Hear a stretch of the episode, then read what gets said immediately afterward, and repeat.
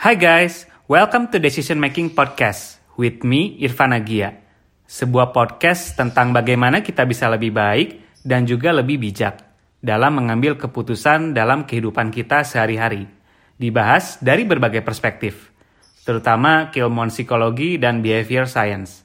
Karena hidup adalah akumulasi dari pilihan-pilihan yang kita ambil.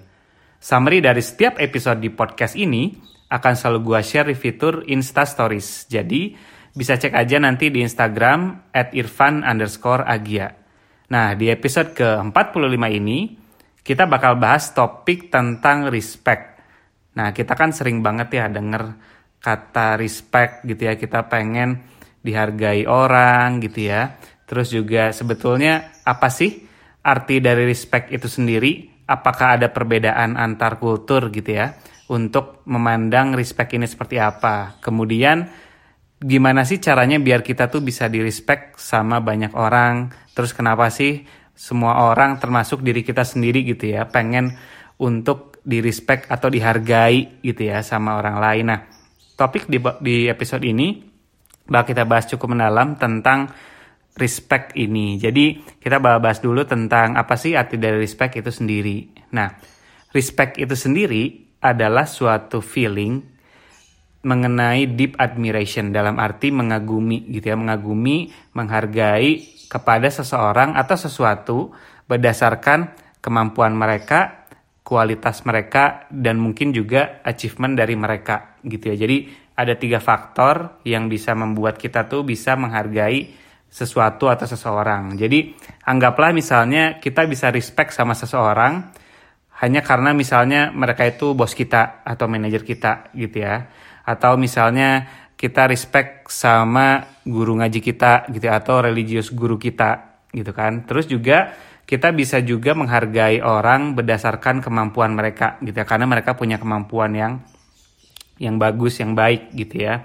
Baik itu di mereka dapat secara natural atau mungkin karena dia latihan gitu ya uh, years of practice. Dan kita juga bisa respect seseorang karena mereka itu bisa melakukan sesuatu yang mungkin uh, kita tidak bisa lakukan gitu ya. Nah, kultur ini sendiri juga memegang peranan penting gitu ya teman-teman terkait bagaimana setiap orang memandang respect ini sendiri. Jadi di beberapa kultur setiap individu itu biasanya bisa dikatakan uh, oke okay atau layak mendapatkan respect sampai mereka tuh bisa proving gitu ya. You have to prove me uh, to make me respect you gitu ya. Jadi uh, ada juga salah satu bentuk-bentuk respect yang terucap gitu ya dalam tutur kata. Contohnya misalnya ketika kita bilang thank you, terima kasih gitu ya atau please, tolong gitu kan.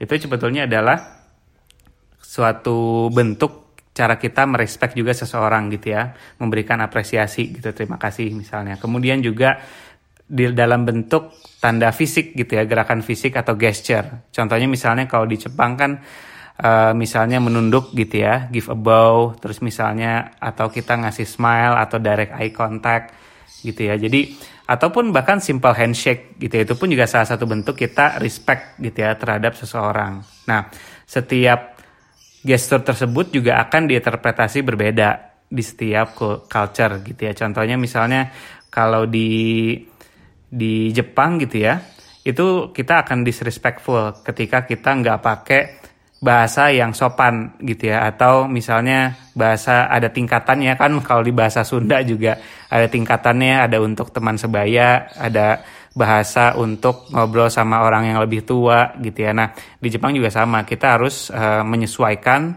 bahasa kita terhadap misalnya orang yang lebih tua atau punya higher social status gitu ya. Contohnya terus juga di China. Misalnya di China itu mungkin itu akan considered kita rude gitu ya atau kasar untuk manggil seseorang dengan uh, their first name gitu ya. Kecuali kita emang udah kenal dengan mereka tuh dalam waktu yang lama gitu ya. Nah, padahal juga di beberapa konteks kan kalau kita ke kerja gitu ya di kantor, orang-orang kan banyak yang manggil uh, orang lain tuh dengan sebutan nama gitu ya tapi kan itu biasa aja. Nah itu juga salah satu contoh bagaimana setiap kultur itu memandang respect dengan cara yang berbeda. Gitu. Kemudian juga uh, contohnya pointing fingers gitu ya atau nunjuk Nah, kalau di budaya West gitu ya, di budaya Barat, mungkin itu nggak dikonsider sebagai sesuatu yang disrespectful ya. Tapi kalau di Jepang misalnya, itu adalah sesuatu yang tidak tidak respectful gitu. Jadi uh, banyak sekali perbedaan bagaimana cara orang mem orang memandang uh, respect ini sendiri gitu ya, tergantung dari budaya mereka. Nah, kembali kenapa sih orang itu pengen dapat respect gitu ya? Why people want to be respected?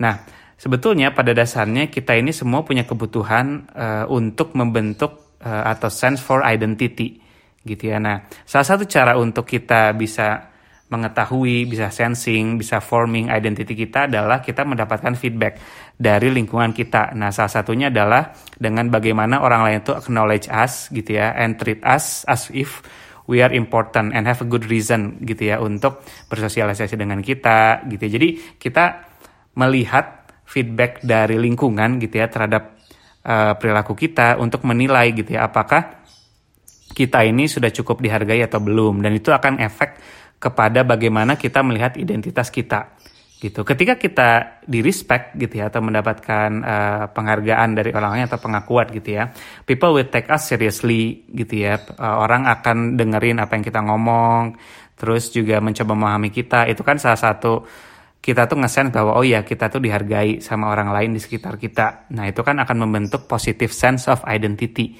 gitu. Nah ketika kita taken seriously gitu ya, acknowledge, recognize gitu ya, kita merasa accepted dan self esteem kita itu meningkat gitu. Jadi ini pun ada elemen eksternal sama internal juga ya teman-teman. Jadi kayak ada yang memang faktornya tuh uh, internal gitu ya. Misalnya ya saya pengen dihargai aja untuk saya pengen tahu apakah effort atau usaha saya tuh sudah cukup misalnya berdampak uh, sama orang lain, terus diketahui sama orang lain. Kemudian juga apakah orang lain itu uh, sense ada ada saya loh di sini gitu ya. I'm here gitu kan.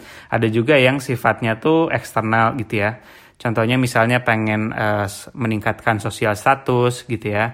Uh, dan ketika faktornya ini eksternal, ketika kita diignore gitu ya, uh, atau tidak sesuai dengan ekspektasi kita, we will feel smaller gitu ya. Dan uh, ada riset juga menunjukkan bahwa orang-orang yang punya eksternal uh, factor gitu ya untuk uh, di respect pengen di respect karena eksternal faktor itu cenderung lebih mudah untuk frustrated, angry. Kenapa? Karena mereka punya ekspektasi gitu ya. Ketika saya melakukan ini saya harus dihargai, saya harus dihargai gitu ya. Orang harus tahu kerjaan saya seperti apa gitu. Jadi ada ada peran dari ego juga gitu ya. Sedangkan kalau yang internal itu lebih kepada self validation. Saya pengen memvalidasi diri saya sendiri seperti itu. Jadi intinya adalah kenapa sih orang-orang pengen di respect?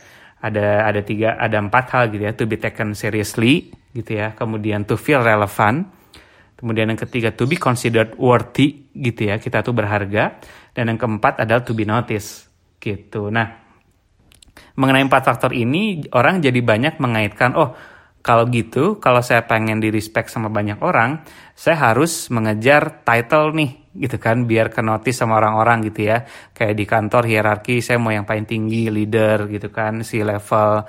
Jadi orang-orang mulai mencoba mengaitkan status gitu ya dengan respect. Jadi intinya kalau kita statusnya semakin tinggi gitu ya, kita akan semakin banyak di respect sama orang. Tapi sebetulnya kalau dalam hierarki respect gitu ya, this is the lowest uh, form of respect gitu ya. Kenapa? Karena orang respect kita simply ya karena kita ini aja, karena kita berada di hierarki yang lebih tinggi aja atau posisi yang lebih tinggi aja, bukan karena kualitas atau juga pribadi diri kita gitu. So when people respect us only because our authority gitu ya, karena otoritas kita, karena sosial status kita, they will give the minimum effort gitu ya. Sedangkan ketika orang itu merespek kita karena kepribadian kita, bagaimana cara kita memperlakukan orang lain, itu akan lebih long last dan mereka akan menunjukkan effort yang lebih gitu ya untuk uh, respect kepada kita gitu. Nah, terkait respect ini seberapa penting sih ditunjukkan gitu ya respect di lingkungan kerja gitu. Nah, jadi ada survei dari Memphis Business Journal itu dia menemukan bahwa 80% employee atau karyawan yang disurvei itu menganggap bahwa lack of respect is a serious problem in the workplace gitu ya. Jadi respect ini tuh menjadi faktor yang uh, sangat diperhatikan oleh para pegawai di uh, tempat kerja gitu ya. Dan ada juga another study yang menunjukkan bahwa 63% dari mereka yang tidak merasa dihargai di tempat kerja atau don't feel respected itu mereka punya keinginan untuk leaving the the job gitu ya meninggalkan pekerjaannya within two years dalam dua tahun gitu. Dan itu kan it's bad news for company yang pengen retain their best talent gitu ya. Nah jadi kegagalan untuk memberikan respect dalam terutama dalam konteks lingkungan kerja this will hurt uh, the company on more levels than we realize gitu ya. Jadi kita juga butuh introspeksi juga gitu ya. Karena kan kita juga bagian dari lingkungan kerjanya kan. Nah mungkin baik disadari atau tidak kita juga sering kali nggak respect atau menghargai uh, kolega kerja kita gitu ya. Dan uh, ada sebetulnya beberapa contoh misalnya kayak kita bikin schedule unnecessary atau last minute meetings gitu ya. Jadi kita bikin meeting yang sebetulnya nggak ada agreementnya apa-apa gitu ya. Terus tiba-tiba dan bahkan meetingnya tersebut tuh unnecessary gitu ya. Nggak nggak urgent gitu kan. Itu juga bentuk kita nggak menghargai waktu orang gitu ya. Kemudian juga ketika kita meeting kemudian melebihi batas waktu gitu ya. Kita sudah janji oke okay, kita cukup setengah jam atau satu jam gitu ya untuk meeting atau diskusi ini. Nah ternyata kita tidak efektif gitu ya dan akhirnya menjadi molor atau ngaret. Nah kemudian juga kita tidak respect orang lain karena kita datang telat di meeting gitu ya atau kita nggak respect orang karena kita missing deadlines. Kita janji untuk submit kerjaan kita di hari misalnya Kamis gitu ya tapi sampai hari Minggu itu belum belum dikirim juga gitu misalnya. Kemudian juga nggak respect boundaries atau batasan. Contohnya misalnya uh, jam kerja tuh selesai misalnya sampai jam 6 tapi uh, jam 11 malam atau bahkan subuh gitu ya jam 1 atau jam 2 pagi kita masih email mereka gitu ya dan bahkan mungkin di weekend misalnya. Kemudian juga banyak lagi teman-teman misalnya kayak interrupting orang ketika mereka itu lagi ngomong gitu ya di meeting. Jadi kita motong dia lagi ngomong gitu kan. Terus misalnya uh, ada orang lagi present gitu ya kita sibuk nge-laptop ngerjain hal yang lain. Terus misalnya juga kita ngasih tugas atau delegating a task kepada seseorang yang kita tuh tahu sebetulnya dia tuh udah uh, full capacity tanpa kita tanya dulu gitu ya workload mereka tuh seperti apa.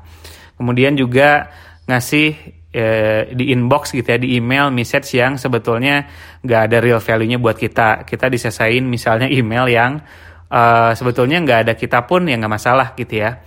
Kayak gitu. Jadi banyak banget hal yang kalau kita lihat sebetulnya di terutama di lingkungan kerja itu tuh kita tidak respect dengan uh, orang lain gitu ya. Terutama rekan kerja kita. Dan itu akan berdampak uh, buruk. Kenapa? Karena respect ini adalah uh, two way street gitu ya. Jadi artinya adalah if you want to be respected, you have to also giving respect to others gitu. Jadi ketika kita uh, tidak memberikan respect, kita tidak bisa expect orang-orang itu akan selalu respect kita gitu ya. Itu tidak akan uh, selalu terjadi gitu ya seperti itu.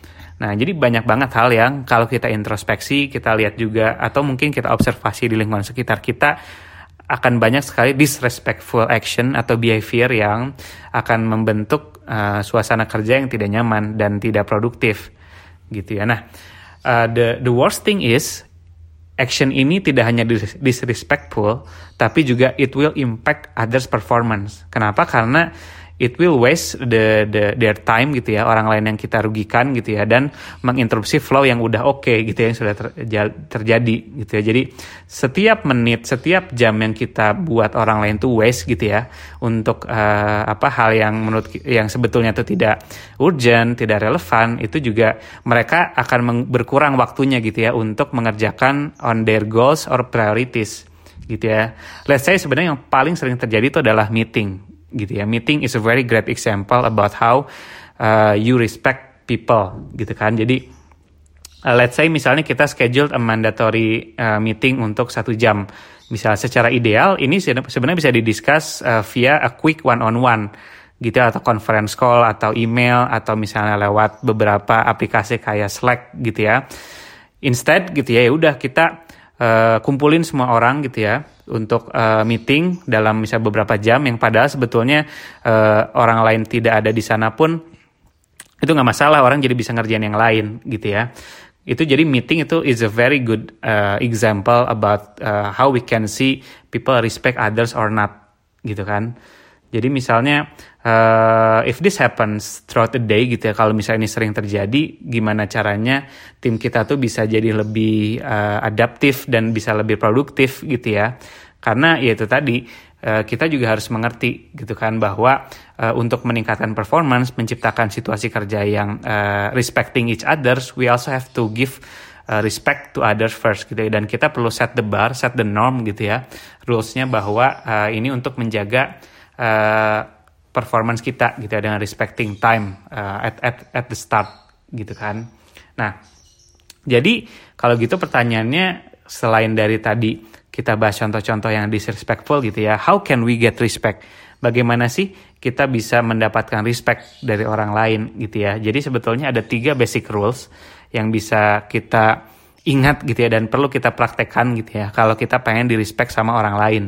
Gitu. Yang pertama adalah action really do speak louder than words gitu ya. Jadi uh, istilah talk is cheap itu juga uh, berlaku di sini gitu ya. Jadi kita bisa bilang gitu ya, iya saya respect uh, orang lain gitu kan.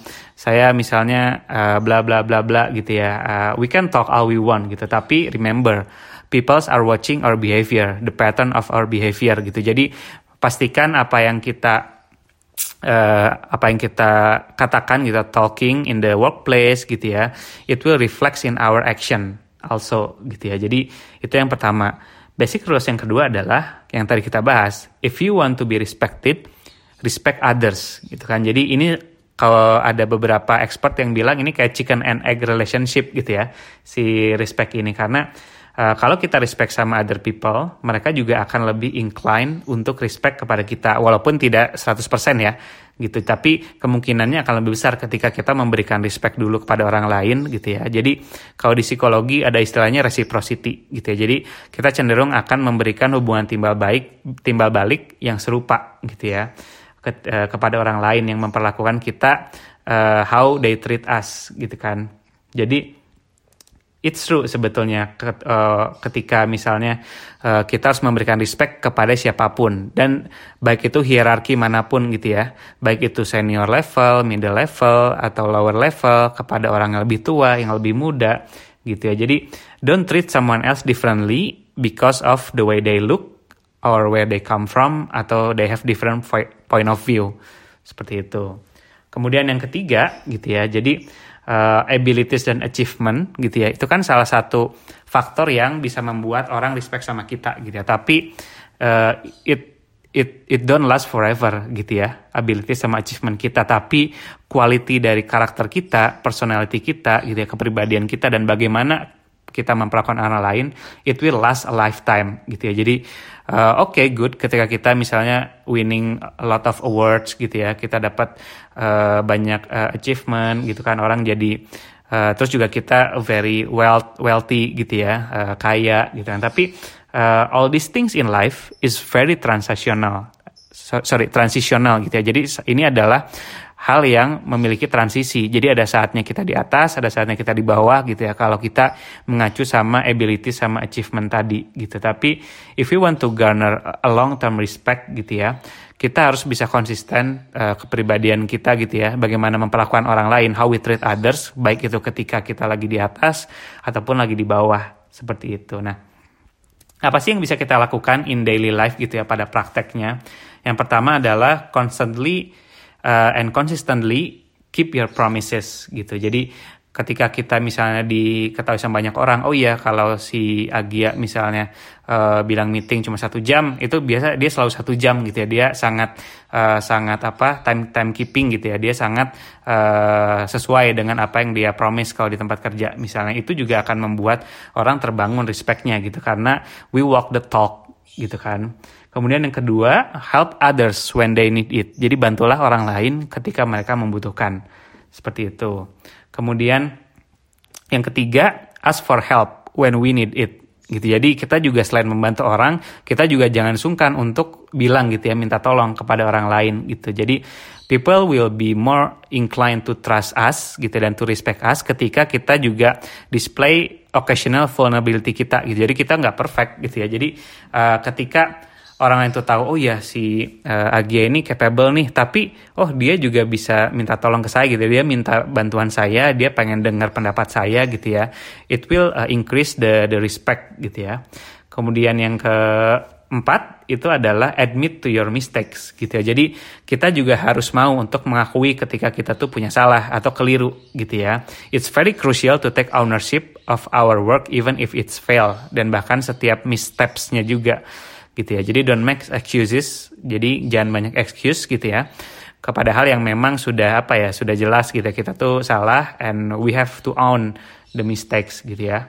Yang kelima juga be able to laugh at yourself gitu. Jadi uh, it's okay untuk menertawakan diri kita sendiri gitu ya. Jadi ketika misalnya ada ada ada something happen, misalnya ada something unexpected atau misalnya kita lagi bercanda-bercanda terus juga kita uh, menunjukkan bahwa kita juga bisa menertawakan diri kita sendiri gitu. Jadi ada riset juga yang menunjukkan bahwa leaders who practice self efficacy humor gitu ya tend to be more respected gitu ya. Dan yang kelima adalah be willing to change your mind. Ini juga penting gitu. Jadi kita ini menunjukkan bahwa kita open untuk mendengar other people's perspective, kita respect uh, pendapat orang lain juga dan bu kita juga menunjukkan bahwa uh, kita juga bisa berubah gitu ya. Uh, mindnya ketika ada sesuatu yang make sense gitu ya, yang dilontarkan sama orang di sekitar kita gitu. Nah, ini ada pertanyaan menarik juga yang muncul kalau begitu dari tadi kita bahas kita kan selalu ngasih harus ngasih respect ya, tapi apakah kita harus ngasih respect kepada semua orang gitu ya? Uh, and the answer is uh, not always gitu ya. Kenapa? Karena everyone is not worthy of our respect. Nggak semua orang itu uh, apa ya worth worth it untuk kita berikan respect gitu ya. Contohnya misalnya ada beberapa occasion ketika misal kita lagi mengantri gitu ya, uh, lagi ngantri di bandara atau lagi ngantri di groceries, ada beberapa orang yang secara rude gitu ya, tiba-tiba motong gitu ya, motong antrian, terus juga tiba-tiba apa langsung bayar gitu kan tanpa ada permisi dulu atau segala macam. Terus juga misalnya lagi di di jalan gitu kan. Banyak banget misalnya entah itu banyak lah dari pengemudi mobil pengemudi motor pengemudi sepeda gitu ya. Ada yang tidak respect dengan uh, each other di jalan raya. Itu juga I think is not worthy of our respect gitu ya. Jadi kenapa? Karena uh, why should we respect when they don't they don't respect themselves or us? Gitu kan. Jadi emang ada beberapa orang yang uh, I think uh, everyone is not worthy of our respect. Gitu. Dan bahkan sebetulnya kita memberikan respect itu perlu ini ya kita perlu tahu dulu orang itu seperti apa gitu ya. Uh, perilaku mereka seperti apa gitu ya. Jadi uh, that's why sebetulnya kalau dari uh, gue pribadi gue suggest kita polite sama semua orang gitu ya. Just just being polite not respecting all people gitu ya. Just being polite to everyone and anyone gitu ya we encounter. Jadi being polite and kind itu adalah basic ini aja sih basic apa?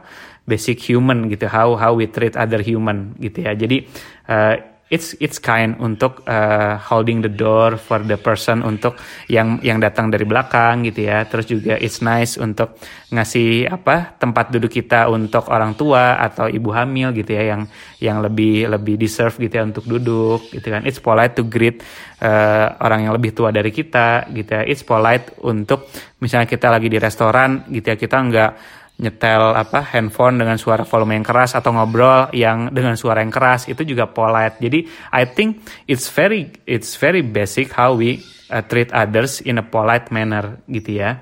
It's polite to consider others uh, perspective also gitu. Jadi keep in mind uh, politeness itu doesn't guarantee us anything gitu. Jadi dengan kita bersikap sopan sama orang lain gitu ya, itu juga nggak guarantee orang lain akan respect kepada kita. But at least gitu ya, If we are polite to each person we encounter, it give us the opportunity, kesempatan untuk mengakses gitu ya, melihat apakah orang yang kita temui ini tuh atau in contact dengan kita, uh, does he or she is uh, worthy of our respect or not gitu. Jadi ketika kita sudah menilai oh ini tidak, uh, I think he or she doesn't uh, worthy to give uh, uh, to to get my respect, oke okay, that's it gitu ya. Seperti itu. Jadi uh, intinya adalah uh, some people will uh, show us immediately they have no respect for uh, the person gitu ya. Jadi uh, nggak uh, semua orang itu worthy of our respect seperti itu. Nah uh, dan terakhir untuk kita mendapatkan respect gitu ya, uh, it's very essential to respect ourselves first gitu ya. Kita perlu juga menghargai atau giving respect kepada diri kita sendiri. Kenapa? Karena secara etimologi kata respect ini juga punya meaning looking back gitu ya. Nah, looking back ini tuh ada ada linknya dengan bahasa Itali spatio. Itu mirror atau cermin gitu ya. And it's also suggest retrospective. Jadi kita harus lihat retrospektif diri kita sendiri dulu gitu ya. Jadi we need to respect ourselves first gitu ya.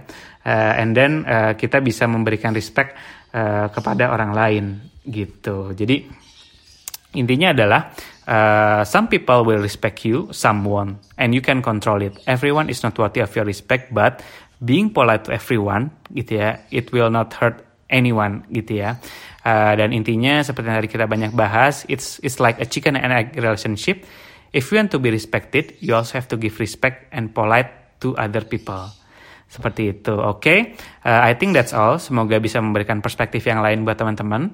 Untuk episode selanjutnya, gue bakal bahas topik tentang goals atau lebih tepatnya adalah visualizing, goals. Jadi banyak banget yang bilang kalau kita punya mimpi, kalau kita punya tujuan itu harus kita visualisasikan, gitu ya. Nah, apakah itu hal yang betul atau ada cara yang lebih tepat untuk kita bisa uh, lebih dekat dengan goals kita, gitu ya, atau merancang tujuan-tujuan kita.